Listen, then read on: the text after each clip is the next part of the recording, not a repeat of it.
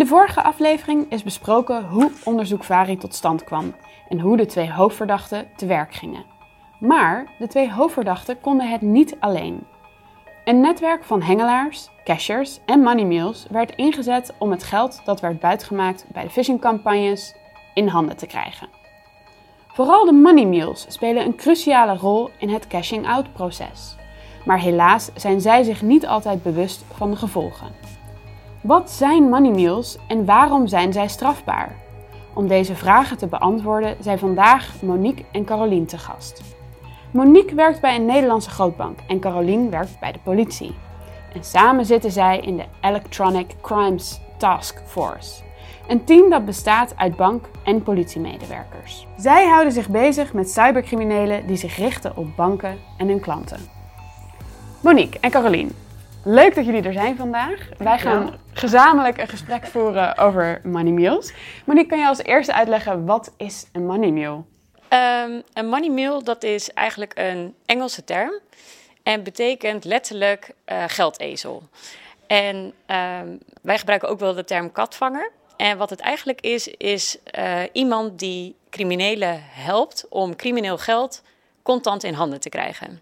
Oké, en hoe kan dat er ongeveer uitzien? Gaan ze naar, gaan ze naar de pinautomaat en denken ze: oké, ik, uh, ik trek geld uh, en dan uh, geef ik het af en dan is het allemaal klaar? Of kan dat een andere vorm ook plaatsvinden? Nou, het kan in heel veel verschillende vormen plaatsvinden. Um, wat het vooral is, is dat criminelen die willen natuurlijk het criminele geld waar zij achteraan zitten, dat willen zij zo snel mogelijk contant in handen krijgen. Maar het probleem is, is dat de criminelen dat natuurlijk het liefst doen buiten het oog van de politie en buiten het oog van het OM. Dus wat schakelen ze daarvoor in? Dat zijn dus eigenlijk de money mails. Okay. En wat we dan uh, bijvoorbeeld veel zien bij veel fraudegevallen, is omdat criminelen dus onder de radar willen blijven, dan uh, stelen zij het geld van uh, klanten van banken. Um, en dat geld dat laten zij dan vervolgens storten op een bankrekening van een money mail. Die money mail heeft dan zijn pinpas en zijn pincode afgestaan aan de crimineel. En op die manier kan de crimineel dat geld uiteindelijk gaan cashen. In onderzoek VARI krijgen de twee hoofdverdachten toegang tot de rekening van slachtoffers. Het geld op deze rekeningen moet zo snel mogelijk weggesluist worden. De hoofdverdachten storten daarom het geld van de rekening van het slachtoffer op de rekening van een money mule.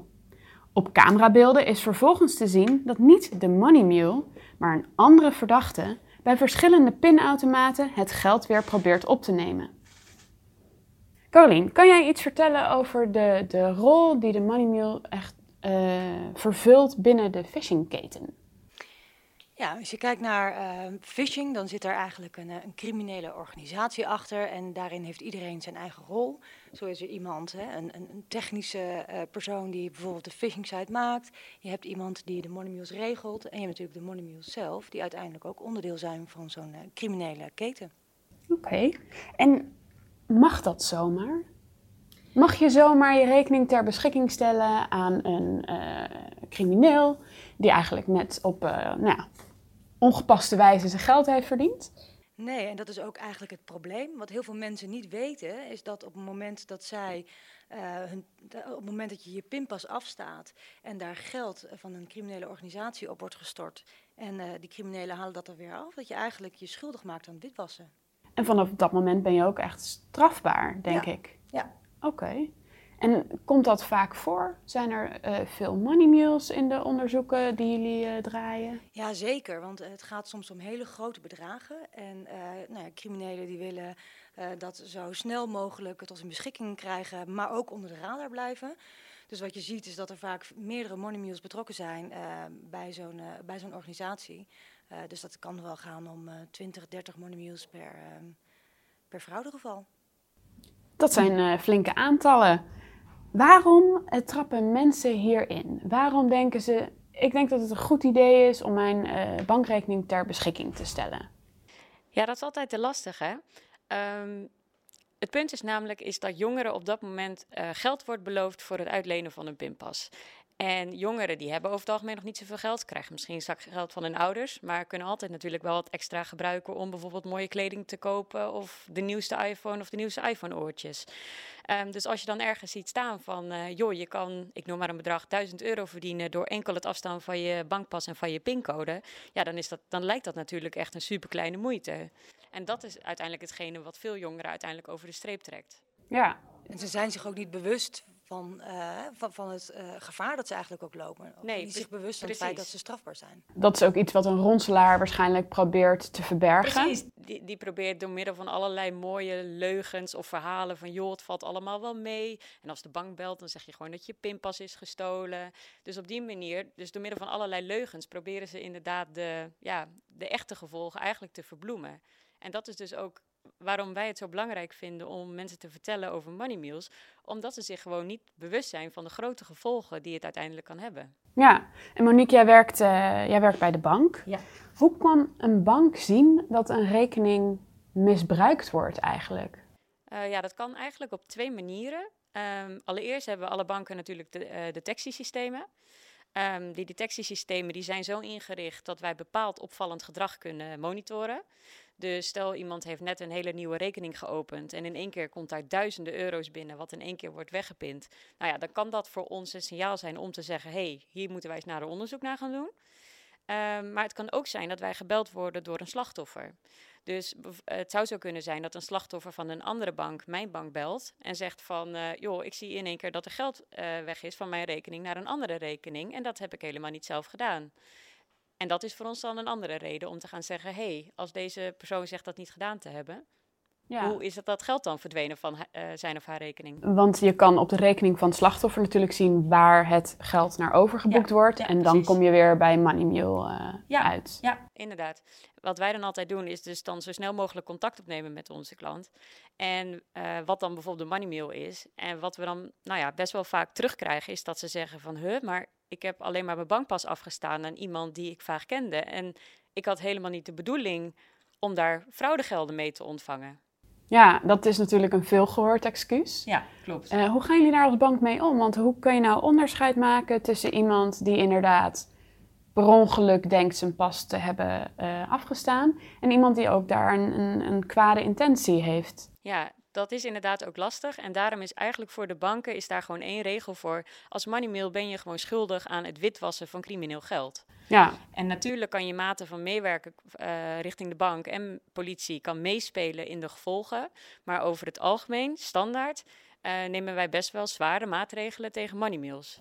Want uh, dan, je noemt het eigenlijk al, je hebt zowel een strafrechtelijke vervolging als mogelijkheid, maar ook de bank kan als instantie maatregelen nemen echt tegen de money mule. Ja, klopt. Omdat er eh, volgens de uh, voorschriften waarschijnlijk geen uh, misbruik van rekeningen ge gebruikt mag worden of ja, gemaakt klopt, mag worden. Ja. Uh, wat, wat voor maatregelen nemen jullie als bank? Ja, nou, je, je zei het zelf al heel goed. Hè? De banken willen dus inderdaad geen fraudeurs in de boeken hebben.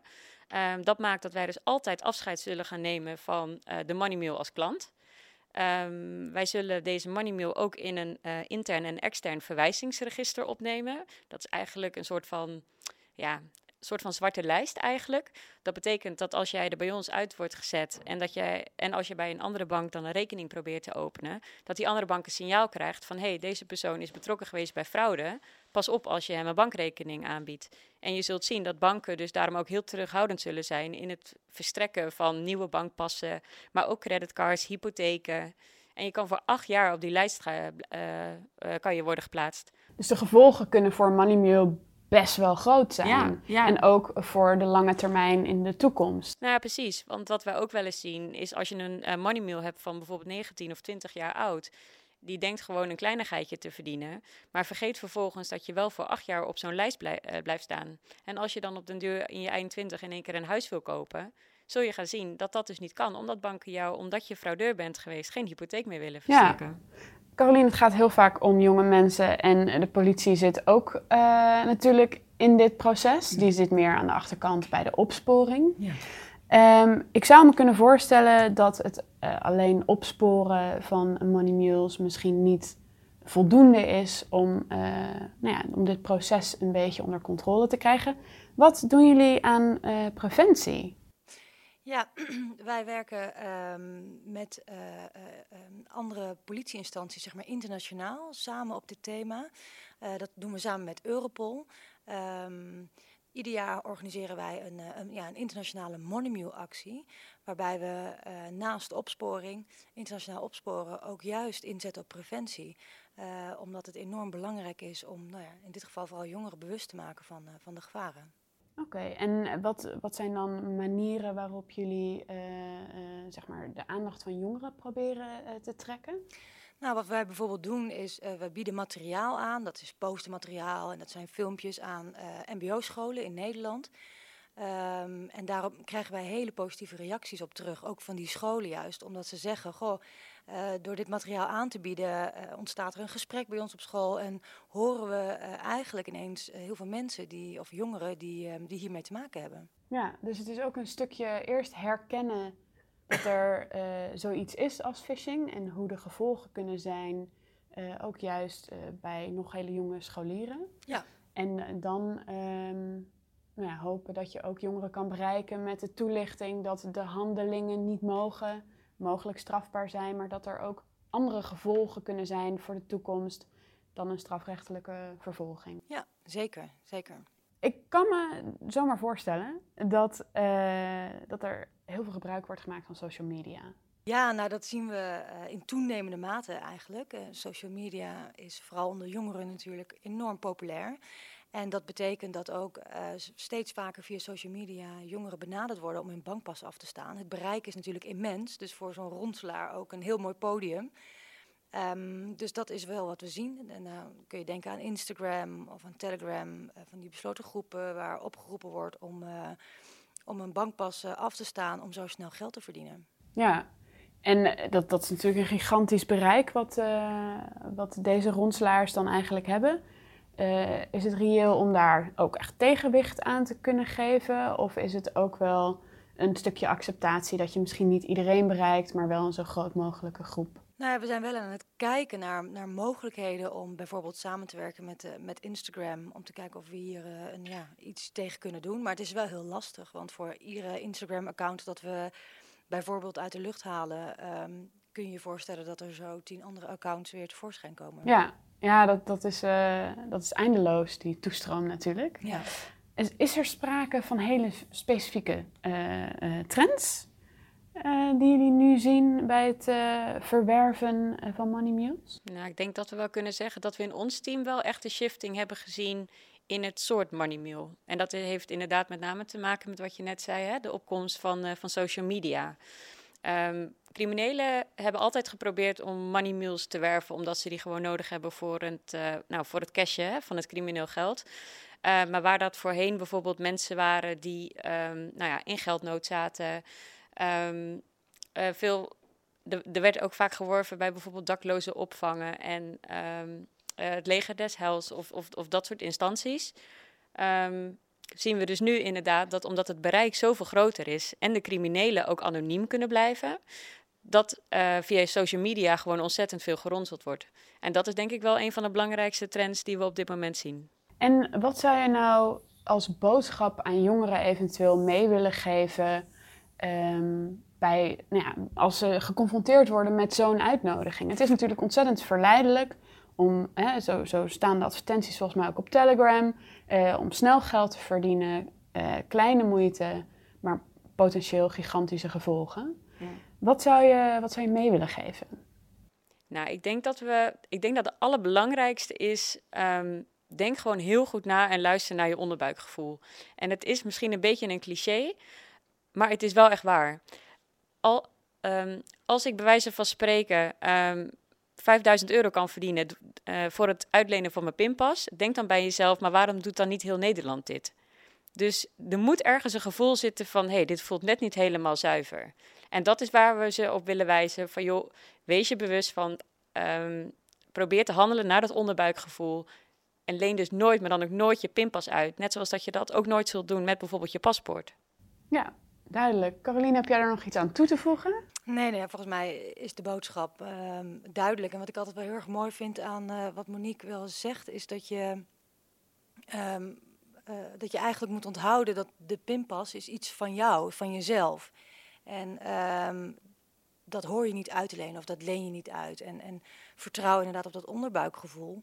Ehm, als iets te mooi om waar te zijn lijkt, dan is dat het vaak ook. En um, ja, trap er niet in, omdat je gewoon strafbaar bent. En uh, als je kijkt naar phishing, dan zijn er altijd slachtoffers. En die slachtoffers die zijn geld verloren en dat gaat naar jouw bankrekening. Dus we komen uiteindelijk bij jou terecht. Eigenlijk is de money meal de meest zichtbare persoon in het hele proces. Zeker, klopt. Ja, ja. Ik wil jullie heel erg bedanken voor jullie uh, aanwezigheid en uh, jullie verhaal. En wie weet tot een volgende keer. Dankjewel. Graag gedaan. Dankjewel. In de volgende aflevering van deze podcastserie gaan we in op het juridisch kader van phishing. Samen met een cyberofficier van justitie bespreken we de juridische kant van phishing. Hoe is phishing strafbaar gesteld in de wet en hoe wordt een phishingzaak in de rechtbank behandeld? Kom bij de politie en help de cyberteams bij de opsporing van criminelen. Zie jij het zitten om de cyberteams van de politie te komen versterken? Kijk dan op kombijde.politie.nl.